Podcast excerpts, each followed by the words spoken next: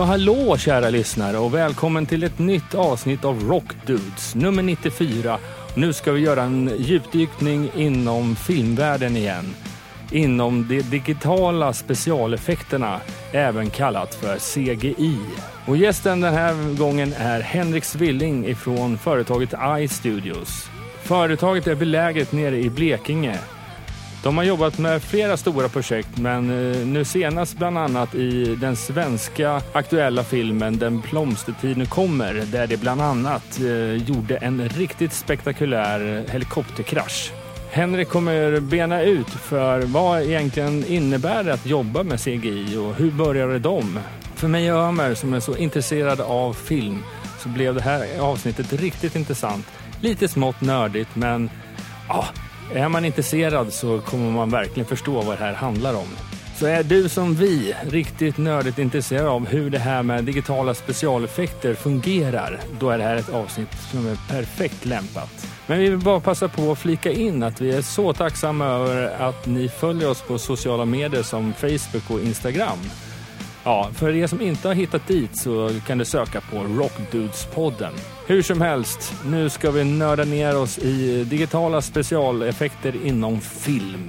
Så därför lämnar vi över till vår studio och intervjun med Henrik Svilling ifrån iStudios. Hej och välkommen till ett nytt avsnitt av Rock Dudes. Och för ett antal avsnitt sen så hade vi Moviesin här på besök. Och det var ju rätt roligt i och med att få komma in i filmvärlden. Och det är någonting som intresserar både mig och Ömer. Och framförallt dig Ömer, du är en riktig filmnörd. Oh ja, jag brukar säga att jag kan betydligt mer om film än om musik och då ska jag inte säga att jag kan lite om musik heller. Nej. Så att det, det här är svinkul och det du snackar angående moviesen, lite kul att dagens gäst då har en liten koppling till eh, just det här. Ja, precis. För, för, för Moviesin startas ju av Alexander eh, direkt efter han slutade gymnasiet. Och där har vi en koppling till dagens gäst. Så vi hälsar varmt välkommen till Henrik Svilling. Tusen, tusen tack. Tackar. Eh, hur mår du då? Eh, ursäkta. Eh, ja, jag skulle säga att jag mår väldigt bra faktiskt. Ja, det är så? Ja, det är Ja. skönt. Eh, våren börjar komma lite kallt, men solen är framme. Mm. Och, ja, det är en riktigt det är en bra dag, en bra känsla. Ser, ser du någonting med tanke på att du alltid sitter vid en dator och bara jobbar, framförallt med CGI och lite Ja, andra jag kan ju kolla vädret i så här väderappen. jag har lite koll. Kan jag, Ja, gå, kan jag gå ut idag eller inte? Exakt, exakt. Ja, just det. Men man hör ju lite på din dialekt också att eh, du eh, framförallt inte kommer ifrån i Stockholm där vi sitter idag, eller Solna. Eh, utan du kommer ner från Blekinge-trakten. Jajamän, Karlskrona närmare bestämt. Ja, det- Ja. Men du är född och uppvuxen där? Jajamän, stämmer bra. Ja. Och, ja, och gymnasiet där också som, eh, som vi kommer till. Ja, just det, precis. Men eh, du, du, du sitter som vi precis sa mycket framför datorn men har kopplingen till film. Vad mer exakt är det du jobbar med? Jag jobbar med eh, visuella effekter och animationer framförallt.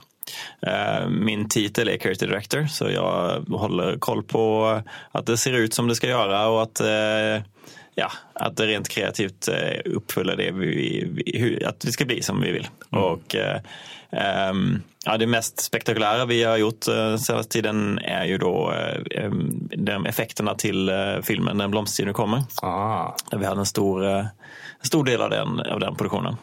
Alla pratar om den här helikopterscenen. Alltså att den här, det skulle kolla in, det är en så häftig grej.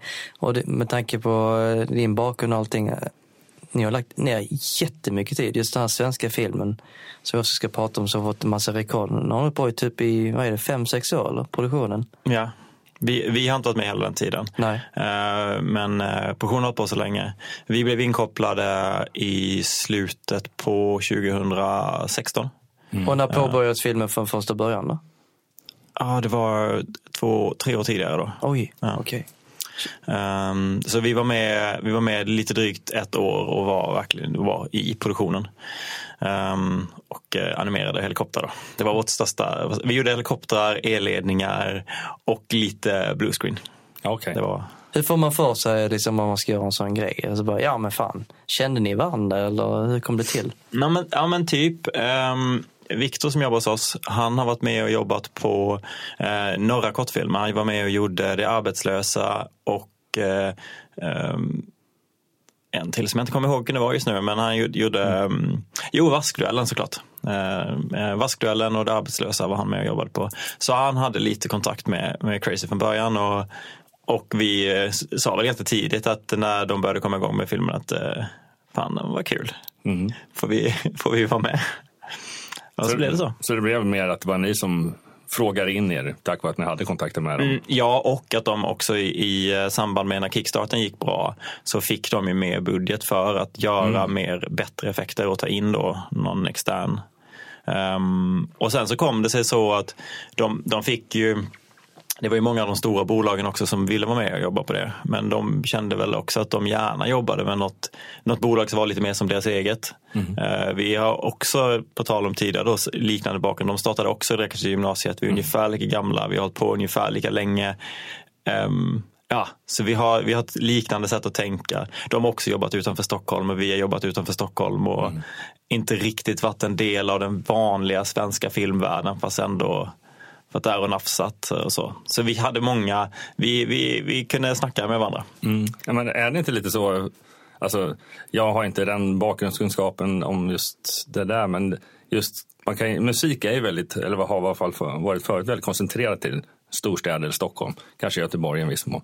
Men filmvärlden känns lite som att den är lite mer utspridd rent generellt. Kanske i alla fall produktionsmässigt. Ja, lite. Alltså, den, den central, det är mycket tv-produktion är ju nästan bara här. Ja, ja men det är sant. Uh, och, men jo visst, vi har film i väst och vi har film i Skåne och så här som är stora, um, stora på filmen. Så, så, det stämmer absolut. Sen är det så att uh, i det Blekinge där vi sitter till exempel så har vi inget mot, ingen motsvarighet till um, film i väst eller eller liknande. Så ja, där är det lite, lite svårare. Men just, just pengar och söka pengar och sådär. Mm.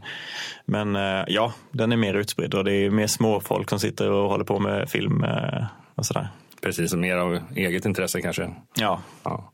Men eh, ja, jag jobbar ju också såklart med, inom musikdelen men framförallt mitt yrke inom datorer. Och datorer för mig började ganska tidigt. Men intresset för film eller det du gör idag, när, kommer du ihåg när det började? Jag vet precis när det började. Eh, det var ehm, på bildlektionen i eh, sexan. Mm -hmm. Då började vi, när vi, när vi, flyttade, när vi började sexan så fick vi gå på högstadieskolan. För att vi fick inte plats på lågstadiet. Ah. Och då hade de filmkameror där, eller videokameror, gamla goa, som är så här mini VHS-band i. Ah, som man fick låna i biblioteket. Och då jag och Patrik gick i samma klass som också är med och driver bolaget.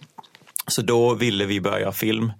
De eh, som gick i åttan då fick göra film, så vi bara shit fan vad kul att göra film. Så då lånade vi kameror på eh, biblioteket i skolan och så började vi göra film. Och ja, jag tror sjuan, åttan så då visste vi att det var det vi ville göra. Mm. Uh, och sen uh, men det var rörligt, det vill säga spela in på, med videokameror och sånt som du började ja, med? Mm. Ja, ja. Och tack vare skolan då? Som ja, gjort att du hittade ditt yrke?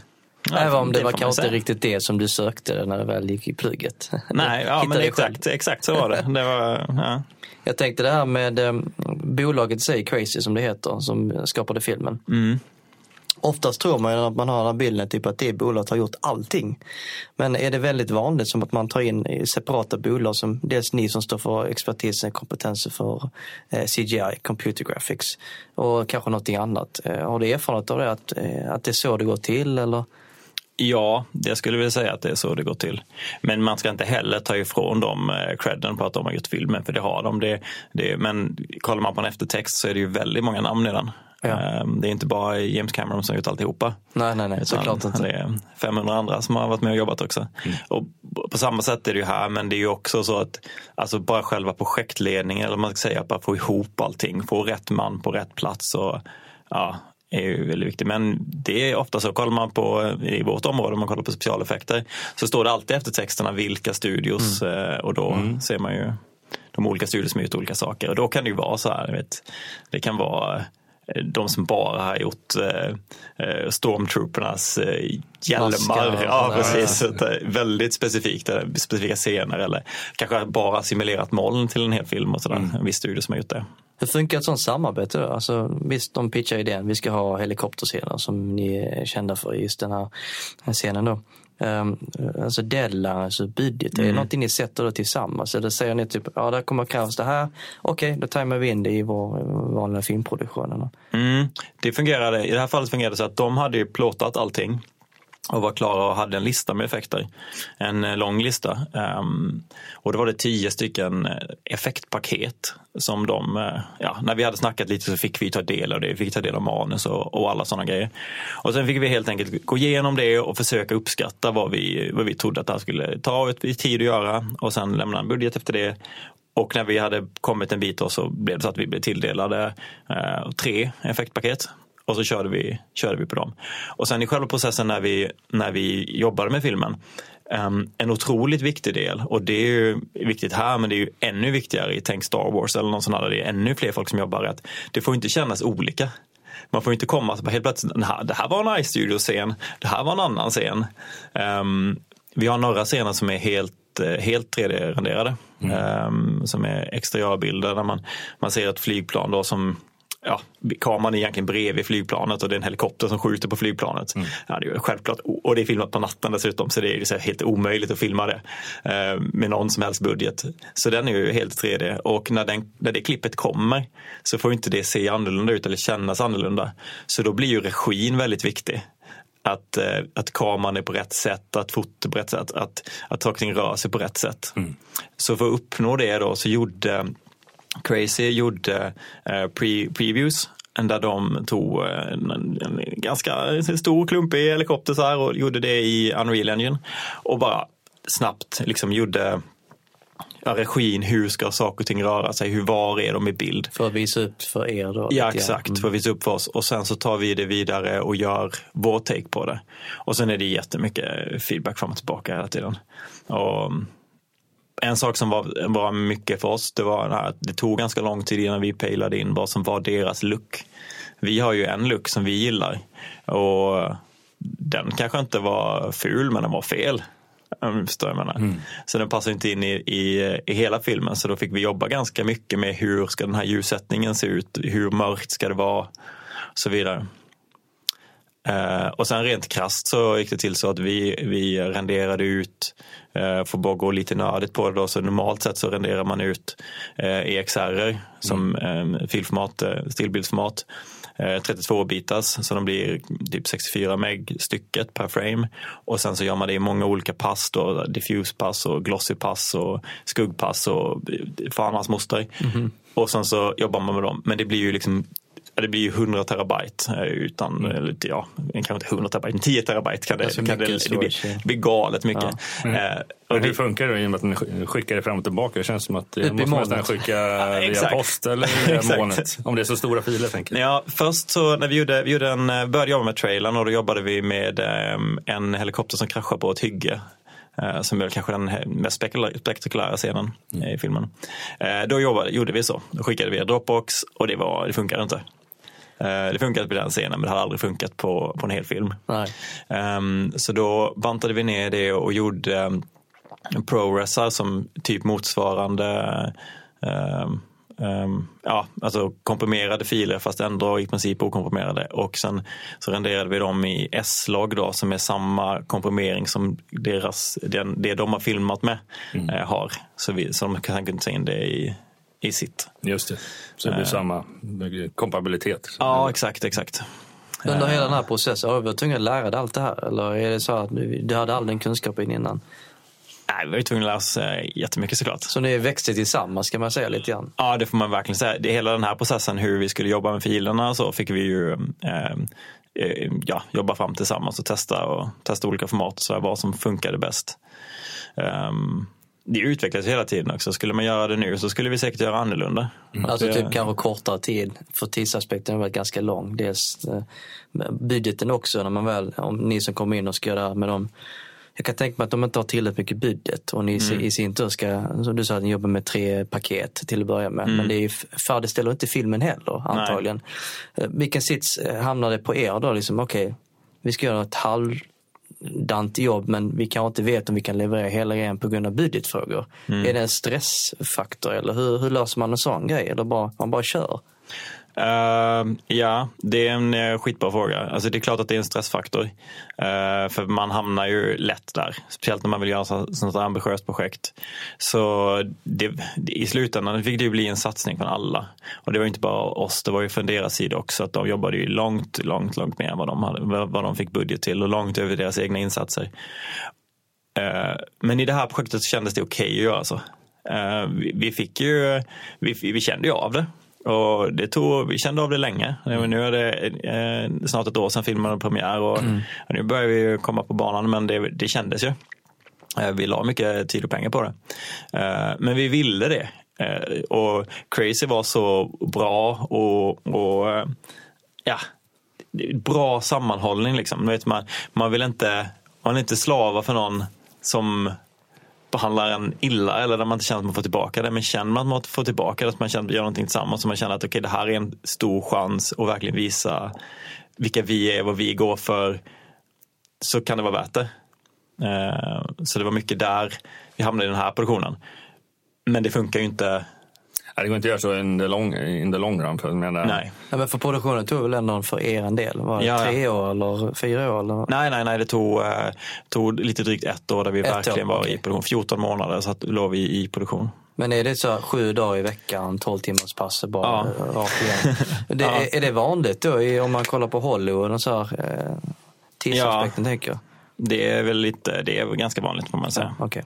Det har varit eh, ett, ett, ett en problematik nu ganska länge. Det, det, hände ju, det har blivit bättre men efter, ehm, eh, vad hette filmen nu igen? Eh, Life of Pi.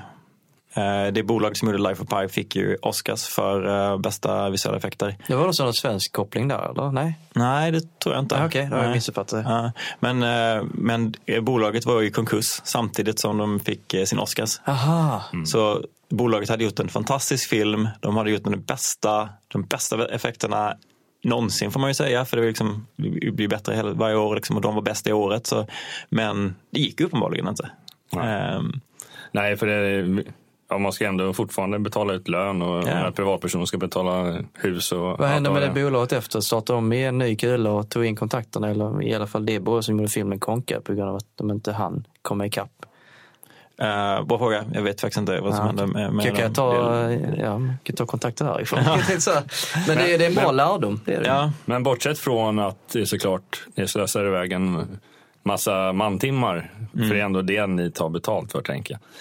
Uh, men var ni även att ni var tvungna att investera en massa utrustning och sånt också eller hade ni det på plats? Ja, men, nej, men det hade vi. Mm. Däremot så brände vi, eh, jag tror fyra grafikkort och eh, mm. ja, det, det, det, vi fick lite casualties på vägen. Ja, men, men eh, nej, lyckades man bränna på det sättet? Alltså gick sönder? Eller? Ja, man renderar för mycket. Ah, okay. För länge och för länge och för lite kyla och ja, allt sånt där. Allt där. Mm. Oj. Och, och antal personer som jobbar på det här projektet från, från er sida, hur många var det? Mm, vi var tio. Tio pers? Mm. Jävlar, okej. Okay. Vi var inte tio pers som jobbade hela den tiden, men eh, vi var tio som var involverade. Vi var minst tre som satt, eh, satt hela tiden. Så, ja. men, men, är det lätt, för då jobbar ni med olika saker i, ja. i det här. Men eh, hur delar man upp det? Har det med kompetens att göra också? Eller? Ja. Eller sitter man i skift till och med? Och, och... Eh, Nej, man skulle nog kunna göra det, men ja. vi jobbade egentligen inte så alls, utan Nej. vi jobbade efter kompetens. Ehm, mm. Så var det, eh, jag animerade det mesta. Ehm, och, och eh, Viktor då som han simulerade och renderade det mesta var ansvarig för att ja, lampor satt på rätt ställe och att allting såg ut, metallen såg ut som metall och så vidare. Mm. Um, simulerade även rök och, och sådana grejer. Sen uh, LG som han, kompis, han, han körde all skulptering och jobbade med modellerna och sådär. Och Therese jobbade med, med texturerna och ja, så att allting såg snyggt ut mm. uh, där. Och så, så att man delar upp det efter, efter vad man kan och vad man vill.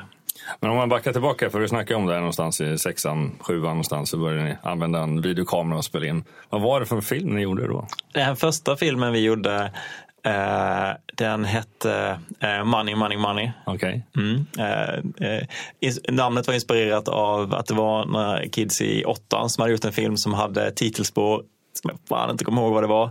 Men ehm, ja, Och då har de liksom tagit eh, låten som titelspår, kändes jävligt smart. Så gjorde vi samma sak och så använde vi ABBA då. Money, money, money. Och Oj, oj. Ja, visst. Kliva den låten nu. Ja, jo, men det fixade vi. Va? Ehm, och sen ehm, så handlar det om, om eh, tre eh, snubbar som eh, köper en trisslott och eh, vinner eh, 50 000 eller en miljon eller vad det nu var. Eh, och sen så är det en liten skummis som eh, smyger på dem i buskarna och eh, mördar dem. Kallblodigt. Till och med det. Ja, visst. Och sen så visade det faktiskt att det var ingen vinst på den här lotten. För att de lurades bara för att de ville vara glada, som skojade till det. Och då eh, tar han livet av sig. Ja, ja. Oj, ja. väldigt mörk story. Blev det till och med några special effects i det? Eller blev det mera? Nej, det var med i kameran vi gjorde det där. Ja, han hoppade ner från en liten höjd så här, och sen så var det en höjd där, ni vet, så, man såg inte det i kameran. Ja, det såg ut som att det var ett högt berg. kallar han one take? Ja, Ja. ja precis. Han, han, ja, han, men, Han, han dog på riktigt. Ja, men en jävligt deppig sak med hela den här historien är att, för, för den, den här filmen betyder såklart ganska mycket för mig. Eh, Den fanns i en kopia eh, på en VHS och den eh, spelade min kära vän Anton över med. Djungel-George. som han bandade. Ja, det är det som var, var sådär. För jag vet själv att vi gjorde också några sådana här, ja, bara små korta roliga projekt, spela in några filmer och sånt där också i tonåren. Men det var också sådär, var, vi gjorde väl tre filmer tror jag och det är bara en av de där som har överlevt. Som vill, så, så fort vi fick tag på den så digitaliserades den i alla fall flera gånger. Kopi, kopior det. Det skulle kunna vara en dyrgrip om de här material som ni nämner hade överlevt idag. Ja. den första filmen man har det, gjort, Det är liksom. framförallt kul att titta tillbaka på det. Framförallt du som jobbar med det. Jag, ja, jag höll på med det några år och sen så blev det annat som blev, tog intresset. Men eh, har du gått utbildningar eh, inom gebitet eller har du det do it yourself? Ja, jag har gått gymnasieutbildning, eh, media, rörlig bild. Och ehm, där fick vi ju idén att, att börja. Jag hade väl någon idé att typ, jag ska gå Dramaten och bli regissör och hela den Det faderullan. är inte för sent än. Nej, nej, nej, för fan. Ehm, men sen, ehm, sen så blev vi eh, inspirerade, får man väl säga, av en, eh, en lärare vi hade där som samtidigt som, eh, som vi höll på så sadlade han om från att bli lärare i grafisk kommunikation till att börja säga flugfiskeprodukter. Han startade ett flugfiskemärke. Och då ville han ha lite hjälp med lite grejer och dessutom så hade han ju en lokal. Så till med hjälp, vi gjorde en reklamfilm till honom och sen fick vi, fick vi hänga i hans garage i princip. Och då tyckte vi att ja, men vi kör på med det. Vi kör ett år, eh, något sånt där. Det här var 2006 så det var ju lite bättre. Det var ju så innan de stora börskollapsen som hände där Yes. 2007 Så det- vi fick ju faktiskt låna pengar. Jag var, föräldrarik i borgen och vi lånade, vi lånade 200 000. Eh, Vi köpte en kamera, en dator, en Adobe-licens. Så duktiga var vi faktiskt. Ja, ja. Och ehm, ja, sen körde vi på på det. Imponerande ändå att man vågar ta det steget. 200 000 belåning är ju en ganska stor summa. Ja, jag vet inte fan vad vi, hur vi, vi... Jag tror vi delade. Jag, jag vet att jag tänkte så här och det tycker jag var ganska klokt. Att nu lånar vi de pengarna. Det blev ju då liksom, ja men strax under eh, 100 000 per person. Ehm, att, att det är motsvarande jämfört med ett CSN är ju ingenting. Ju Nej, lätt ta nej. 300 000 i CSN som man ska betala av. Och det har vi inte. Jag har ingen CSN överhuvudtaget. Utan de pengarna som vi lånade då, de är ju Kvar i kameran också. Ja, Å andra ja. sidan är det något värde. Nu efterhand så kan man ju skatta sig hela vägen till banken med tanke på den investering ni gjorde. Eh, Det är lite nyfiken, de här tio personer som väl eh, var från början. eh, Har ni utökat den manskaran? Ja, vi var tre från början. Var tre från början och nu är vi, nu är vi tio. Ni är tio. Ja. Känns det som att ni har eh, nått ert maxtak eller känner att du vill addera några gubbar till nu? Mm, det finns nog, jag tycker det är en ganska bra grupp. Ehm, det är lagom, det får inte bli för mycket. Man vill ju hålla på, man vill hålla på med film, man vill inte bara hålla på med eh, ja. Reklam eller Ja, eller, jag menar, sånt men framförallt man vill inte bara hålla på med personalfrågor. Nej, just Alltså, vet, eh, allt det roderiet. Jag vill ju faktiskt sitta och animera och ha det. Du tar in en HR-person som tar hand om de Ja, tio. ja, exakt. Så att den elfte blir en HR-person. Men eh, det handlar om att hitta personer med rätt kemi Ja. i gruppen och som är självgående och kan driva mycket själv så att säga. Ja, verkligen. Och som tillför någonting som vi inte, som vi inte kan. Ehm, Finns den kompetensen då, tänker jag? Med tanke på att du är självlärd allting i Sverige, eller Mm. Det, det gör det. tycker jag, jag tycker vi har ganska bra, vi har många bra utbildningar som uh, spottar ut bra folk. Och sen så är det ju alltid så att när man tar in någon ny så förväntar man sig inte att de ska kunna, så de kan ju inte våra sätt såklart. Nej, nej allting är ju så eh, självbildat, man måste liksom Ja. bygga sin egen. Jag förstår. Eh, Det har ju hänt en hel del efter filmen. Mm. Och det ska vi prata vidare om för att alla lyssnare är ju nyfiken. Vad har hänt? Är det Hollywood som väntar eller vad är nästa projekt? Och jag har förstått det som att eh, ni har utvecklats längs vägen. Nu gör du lite annat utöver musikvideor också som ni gjorde parallellt med det här med filmen. Så gör du ju spel. Ja, eller speltrailers. Speltrailers rättare sagt. ja. Ja. Berätta mer om det. Liksom. det Jo, men det, det är skitkul eh, och, och ehm, vi gör jättemycket grejer, framförallt till Paradox uh, Interactive som sitter här i Stockholm. Och, eh, så mm, det är en väldigt bra, rolig grej. Det går ju bra för Sverige i spel, spelbranschen också. Eh, och de är väldigt kreativa och härliga. Man får, man får hoppa mellan romarriket eh, ena, ena produktionen och sen nästa gång blir det ut i rymden och jaga rymdmonster och sådär. Öppna den dörren på grund av filmen då med samarbete med tv-spelsbolaget. Mm, Ja, vi hade lite, vi hade en del där innan. Eh, Men det är klart att eh, det, är klart att det hjälper. Ja. Och det, det, alltså, en väldigt tydlig grej efter vi har gjort filmen är ju att vi behöver inte bevisa att vi kan göra en film. Uppenbarligen kan vi det. Får vi tid och pengar så kommer det, klar, klarar vi av det så blir det bra. Då blir det tillräckligt bra för att bli Guldbaggenominerade. För att det blev vi. Så eh, uppenbarligen så har vi den kompetensen. Och det känns väldigt tryggt och väldigt skönt. Men kommer det en ny film då? Alltså nu ser jag inte en uppföljare men jag tänker, jag kommer jobba med en film till nu eller känns det bara speltrailers och musikvideos för hela slanten?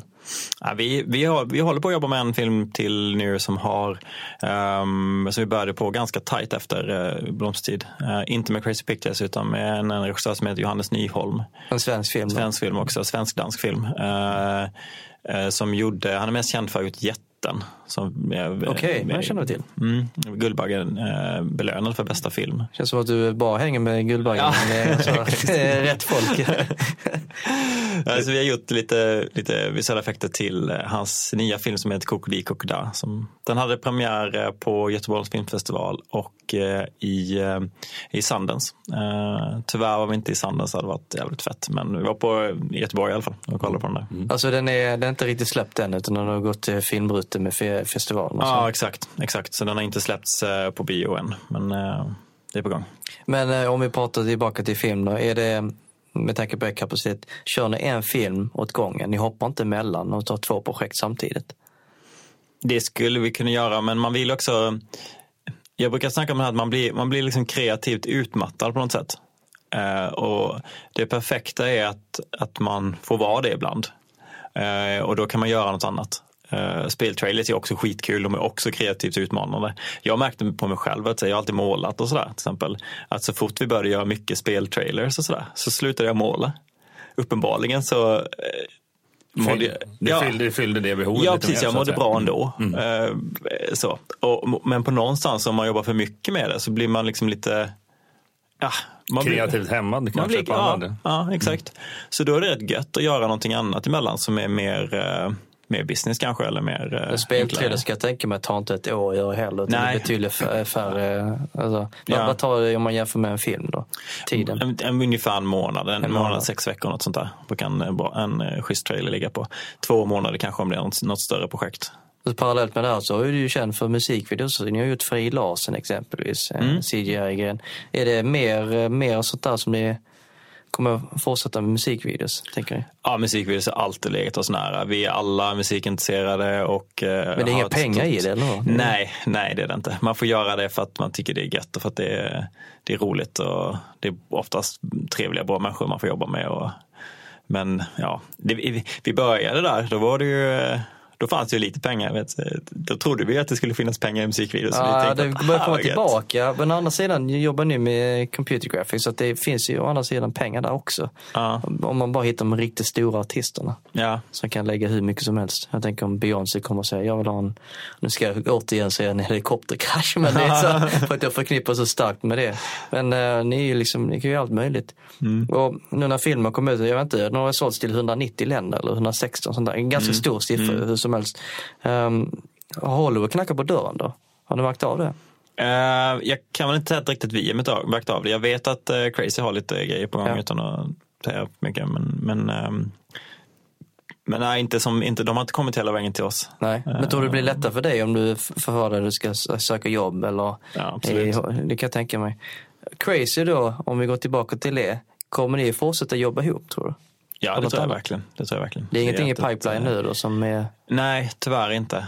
eller det kan vara Inget hemligt, kan- ja. för att dela med dig. Men, eh, nej, men det, vi har haft ett jättebra samarbete och det har varit skitkul och eh, ja, ser ingen anledning till att vi inte skulle göra det. Nej. Men ni är inte direkt konkurrenter, utan ni medför, ja, det är, ni har olika kompetenser inom olika områden. Ja, exakt, exakt. Det finns ingen anledning av oss att eh, hålla på, hålla på och hålla på.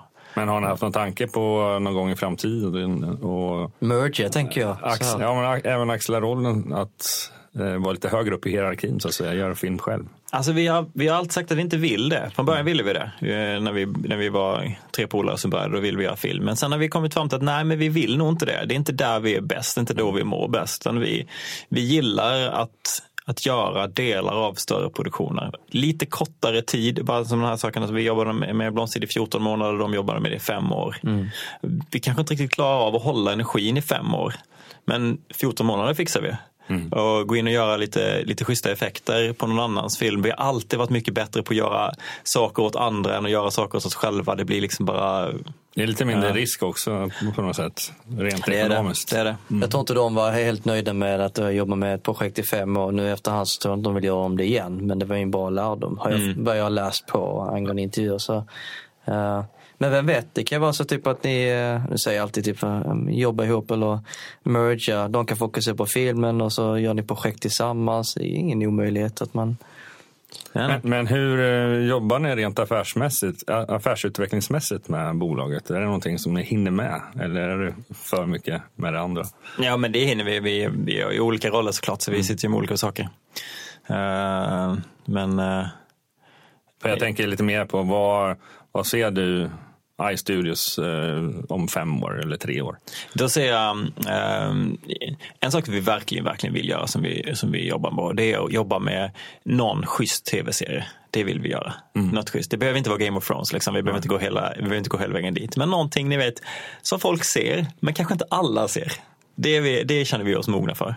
Har du någon eh, referens som du tänker dig? Så det skulle jag vilja göra så här. Eh, Nu är Game of Thrones det största så att det fattar jag Ja, som nej, draken men jag skulle jättegärna göra um, något um, typ eh, Alltså jag är ju väldigt, väldigt svag för, för medeltid och för, eh, för, för allt, allt historiskt. Så det hade ju varit väldigt fantasy överlag. Alltså. Mm. Så jävla roligt. HBO har ju någon som heter Knights, eh, något liknande. Jag har inte Ah, sett Night's Watch. Ja. Ja, Eh, skulle det kunna vara någonting eller? ja det skulle kunna vara Jag vet inte hur det gått för den. Det känns som att den alltid ligger ett steg bakåt Game of Thrones. Så att det får all fokus på det och som Ja, missar det. Det, det ska bli alltid bli intressant uh, ur ett HBO eh, perspektiv överhuvudtaget när Game of När Thrones Game of är klart. Ja, ja, fan. Jag tror verkligen det kommer att dö ut att det kommer att komma en ja, de har ju de, de, har vi kör pratat, igen. de har ju, eller själva författarna har ju pratat om att skriva böcker om eh, tiden före Ja, Game, ja. Game of Thrones. Det kommer nog inte ta slut. Nej. Nej, fan de kan inte släppa en sån. eh, prequel och sequels och fan allt möjligt.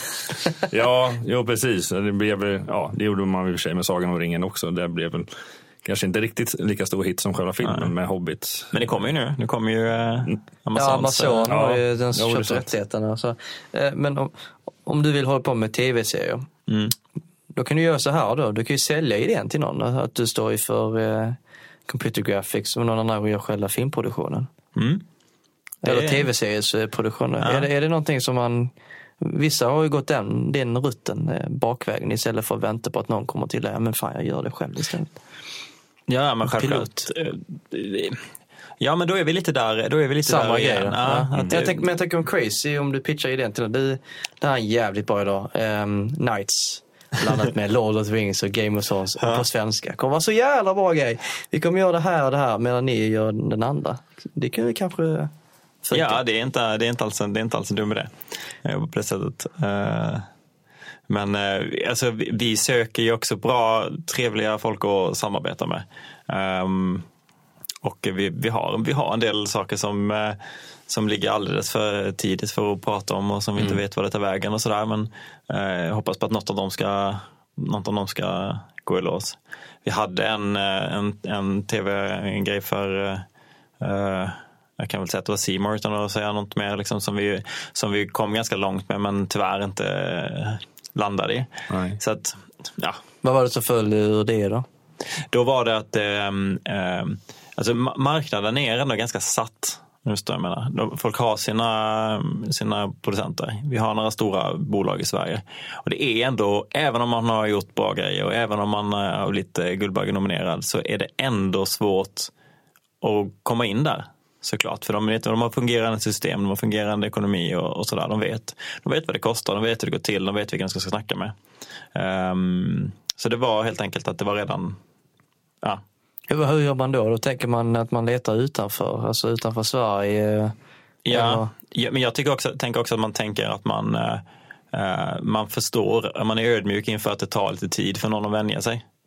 Här, Att bara, för att man, bara för att det blir ett nej där av eh, praktiska anledningar så betyder inte det att, att man är ute ur spel.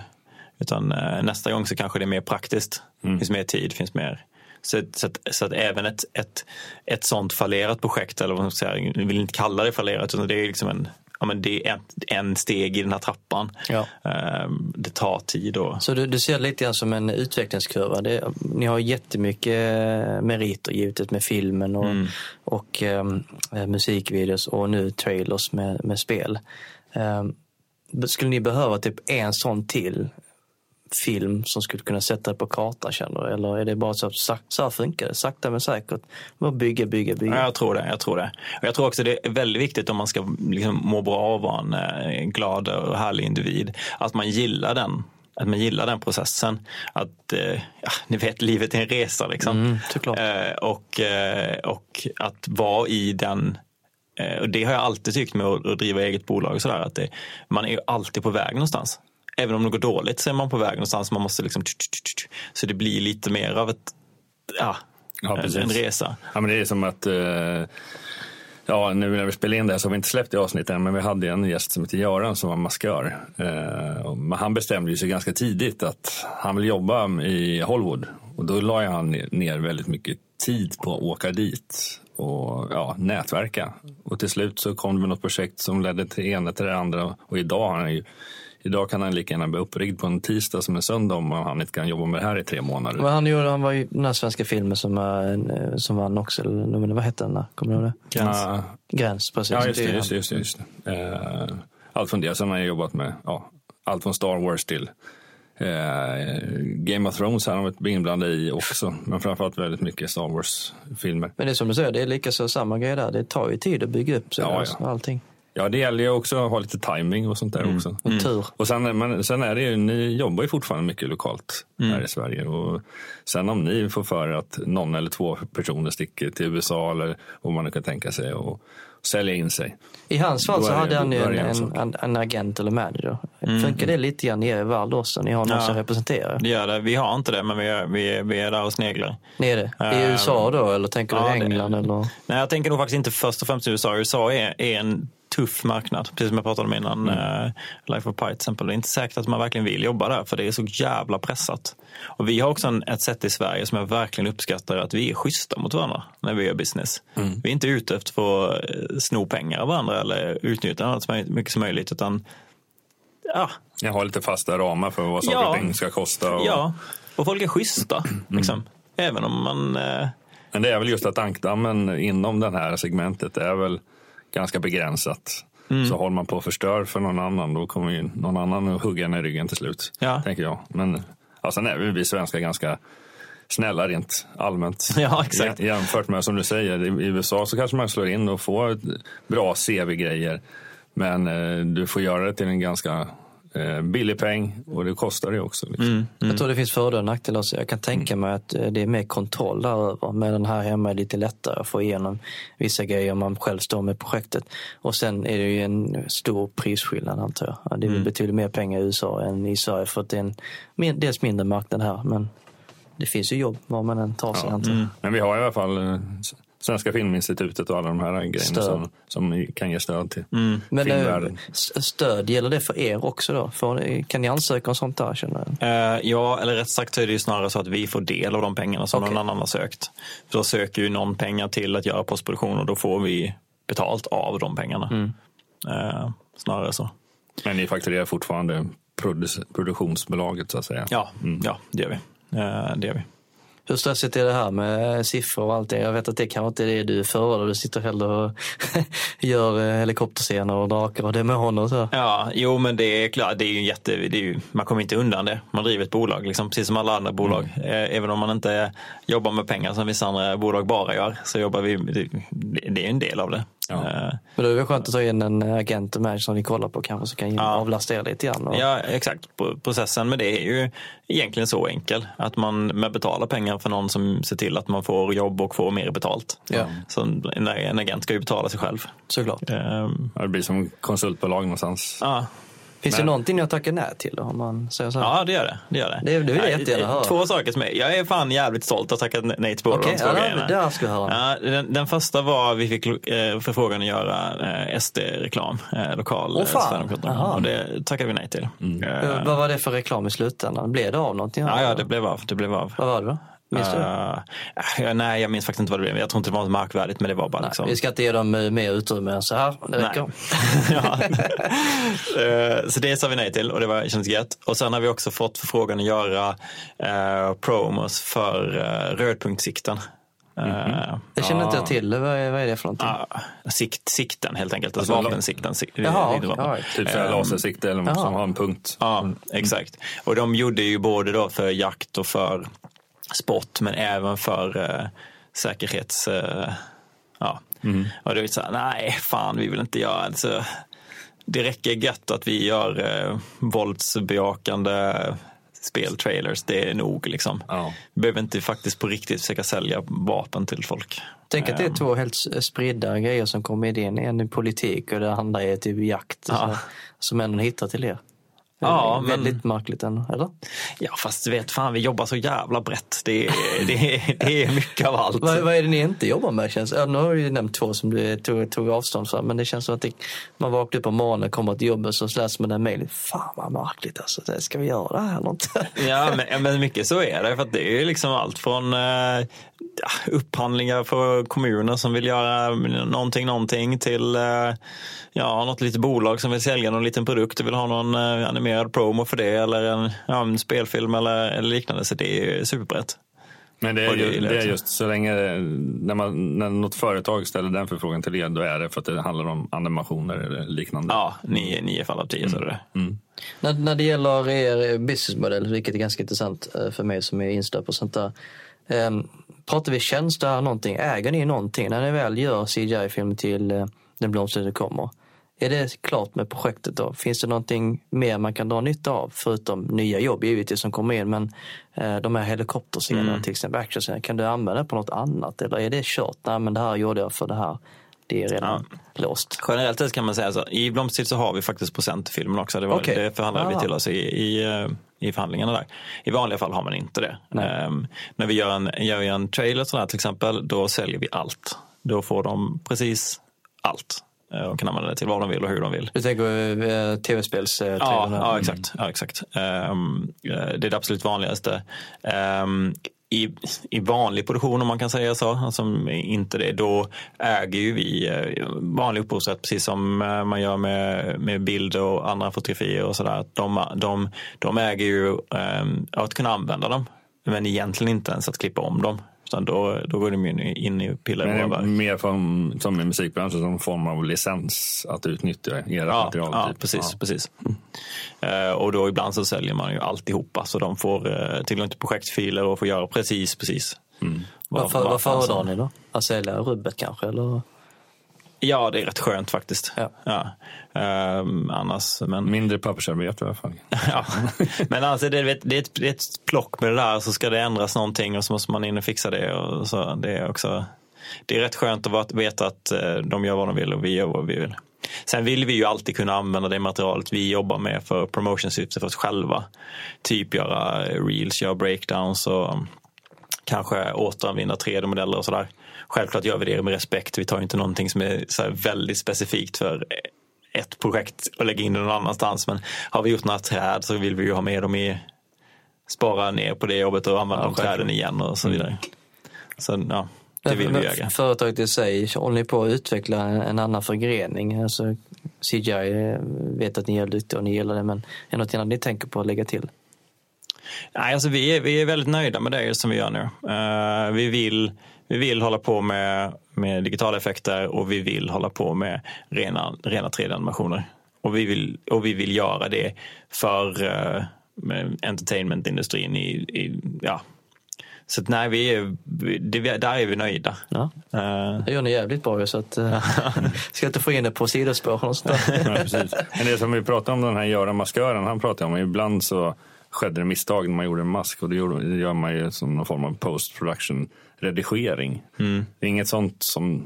Ja men sånt gör vi mycket. Mm. Alltså det är mycket sånt pill att man redigerar bort uh, Ja, ja, men, ja, men exakt det har vi faktiskt gjort. Inte en mask, men en docka. En dålig, mm. dålig docka liksom, som, som, inte ser ut som, det ser ut som en plastgrej. Mm. Då får vi byta ut den mot en 3D, 3D-objekt istället. Just det. Mm. Det, är, det är ett gött att sitta med den kompetensen också. Ja. Man, man vet att vad man än filmar, vad man än plåtar så kan man alltid, man kan alltid byta ut, man kan alltid fixa till det. Ja. Uh. Jag tänkte också med perfektionist, när vet man när man är klar med projektet? Det finns ju alltid något man kan pilla på. Alltså, man är så jävla självkritisk hela tiden. Ja. Ja, det, det har varit ett... Jag tror också jag tror både det är en, en styrka och ett problem. Alltså, det som är bra med det är att det är faktiskt det som gör att man blir bra. Jag vet att man ser till att det, ja, man gör bra grejer hela tiden. Man fortsätter göra bra grejer eftersom att man tycker att man inte har gjort tillräckligt bra grejer som gör dem lite bättre. Men också såklart asfarligt. För att man tar inte betalt för de grejerna och så, så blir det... Sticker ja, iväg och ja. tidstjuv liksom. Ja, men det är alltid, alltid det här problemet. Det är, tidigt i min konsultkarriär inom IT så hade jag en chef och han sa alltid det där eh, var noga med att leverera det som kunden har köpt. Mm. Det vill säga, har den köpt, för att du är parallell med bilar, har den köpt en Fiat så är det det du ska leverera. Du ska inte leverera en Rolls Royce Nej. eller en Ferrari. Nej. Och det handlar ju om tidstjuvarna. Mm. Liksom att lägg inte 100 timmar om det är 20 timmar de har betalat för. Nej. Om det inte ger någonting annat förstås. Det, mm. Ibland så kan det vara bra för CVt eller att ta med sig det någon annanstans. Eller så lägger du till några snygga fälgar till eh, din, din BMW Ja, men där, där handlar det om att säga, okej, okay, hej kund. Ja, jag ser att du är intresserad av en Fiat, men eh, jag tror att du skulle egentligen vilja ha en Volvo. Mm. Och då säljer man in varför den ska ha en Volvo istället för en Fiat. Och det kan man göra, men det är väl en vanlig merförsäljningsknep. Mm. Men, men där är också där är en sån konflikt som ska finnas och som finns mellan mm. oss. För jag, min roll som creative director, jag ska ju vilja att allting ska vara skitbra hela tiden och vill pusha det. Men sen så har jag en projektledare och en producent också som tycker att nej, nu är det nog. Enough is enough. Ja, enough is enough som är, som är din chef då, som mm. säger nej, nej, nej, det ska vara en Fiat. Mm. Så, så, så, så, nu blir det bra. Så jag tror att den det, det klarar man kanske inte riktigt själv för det är, det är för många hattar. Men det är gött att ha någon annan som kan säga att... Ja, det var det jag tänkte lite komma till. För då kan ju du pusha dig själv mm. eh, så mycket som du vill inom din perfektionism. Men det är alltid skönt att veta att det, du har inte final call mm. alltid. Och då är det skönt att ha någon annan som säger stopp. Ja, det står 51 eh, minuter. Ja, då ska vi runda av. Perfekt. Sätta... Har vi någonting mer som vi har glömt? Nej, jag tror vi är ganska fina. Om inte Henrik vill lägga till någonting. Mm. Som vi pratar om. Vi, vi kan ju alltid ta, vi ställer den frågan lite då och då. Om, eh, om, om jag har någon lyssnare där ute som, som är sugen på din bransch. Eh, mm. Vi har ju berättat lite om hur du, vilken bana du har gått. Men 2019, finns det några andra sätt att göra? Eh, jag skulle säga att det absolut viktigaste är att man har, har eh, att man har persistence, att man har en jävla follow throughness. Man, bara, man gör och så gör man och så fortsätter man att göra. Och så gör man lite till. Mm. Um, jag tror, eh, ja, alltså vi har supermycket kom komiker som har fått sina break inom Youtube. Det tror jag absolut på. Mm. Men när vi startade så fanns knappt Youtube. Nej, det, exakt. Det, Idag kan du lägga ut dina produktioner den vägen. Ja, mm. Eh, och vill man hålla på med CGI som vi gör, men gör skitcoola grejer och lägger ut, lägger ut på Youtube. Alltså, och gör mycket och fortsätter och fortsätter och fortsätter och fortsätter. fortsätter. Jag är helt övertygad om att det är det som har fått oss att, att lyckas. Mm. Vi hade många runt omkring oss som också startade grejer när de var, var i, ja, men i 19-årsåldern och sådär som körde lite och sen så kanske vi har aldrig haft några andra jobb vid sidan till exempel. Nej. Utan vi har jobbat heltid minst på, det, på, det, på iStudios och inte gjort någonting annat. Sen första tiden så bodde vi hemma, liksom, för vi hade inte råd att betala lägenheter. Men det var det, det, det gjorde vi. Istället för att ha ett annat jobb vid sidan om och Precis, det, någonstans måste man kompromissa. Saker ja, ja. och ting kostar ju. Ja, ja precis. Och, och, inte tro att det ska gå över natt. Det går, gick verkligen inte över natt. För oss så tog det ungefär tre år innan vi um, började liksom kunna alltså, ta ut några som helst pengar överhuvudtaget. Mm. Liksom. Men det var gött också, vi var 19 när vi började och, och då är man inte så gammal, då är man ändå liksom 22 så det var, det var okej. Okay. Det var tajtare att vara 32 och inte kunna så lärdomen är typ börja tidigt och bo hos morsan och farsan. ja, exakt. Någonstans har jag själv önskat det med mina hobbyföretagsamheter. Jag var ju trots allt, vad blir det, 35 nästan. Ja, du var en uh, late bloomer. Men ja. uh, här är du nu och spelar in en podd. Så att, ja, men jag har jäkla kul ändå. Så jag ska inte säga att mitt jobb är tråkigt heller. Utan att det är någonting som jag gör för mig själv också. Det är mitt egna bolag. Mm. Men uh, sjukt intressant det här. Ja, tack. Ja, vi, vi tackar jättemycket för nu vet vi betydligt mer om CGI och hur den branschen funkar. Ja. Tack så mycket. Tack, tack. tack.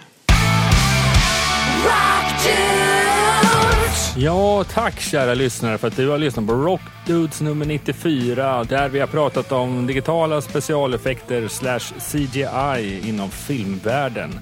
Tack eh, Henrik Svilling för att du kom till vår studio och verkligen fördjupade våra kunskaper inom detta område.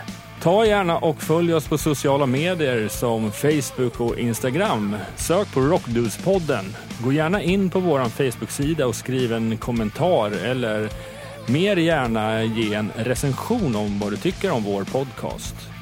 Och såklart vill vi att ni ska fortsätta tipsa oss om både ämnen och gäster som du vill höra mer om i framtida avsnitt av Rock Dudes. Och har du varken Facebook, eh, Instagram eller Twitter så kan du såklart mejla oss på rd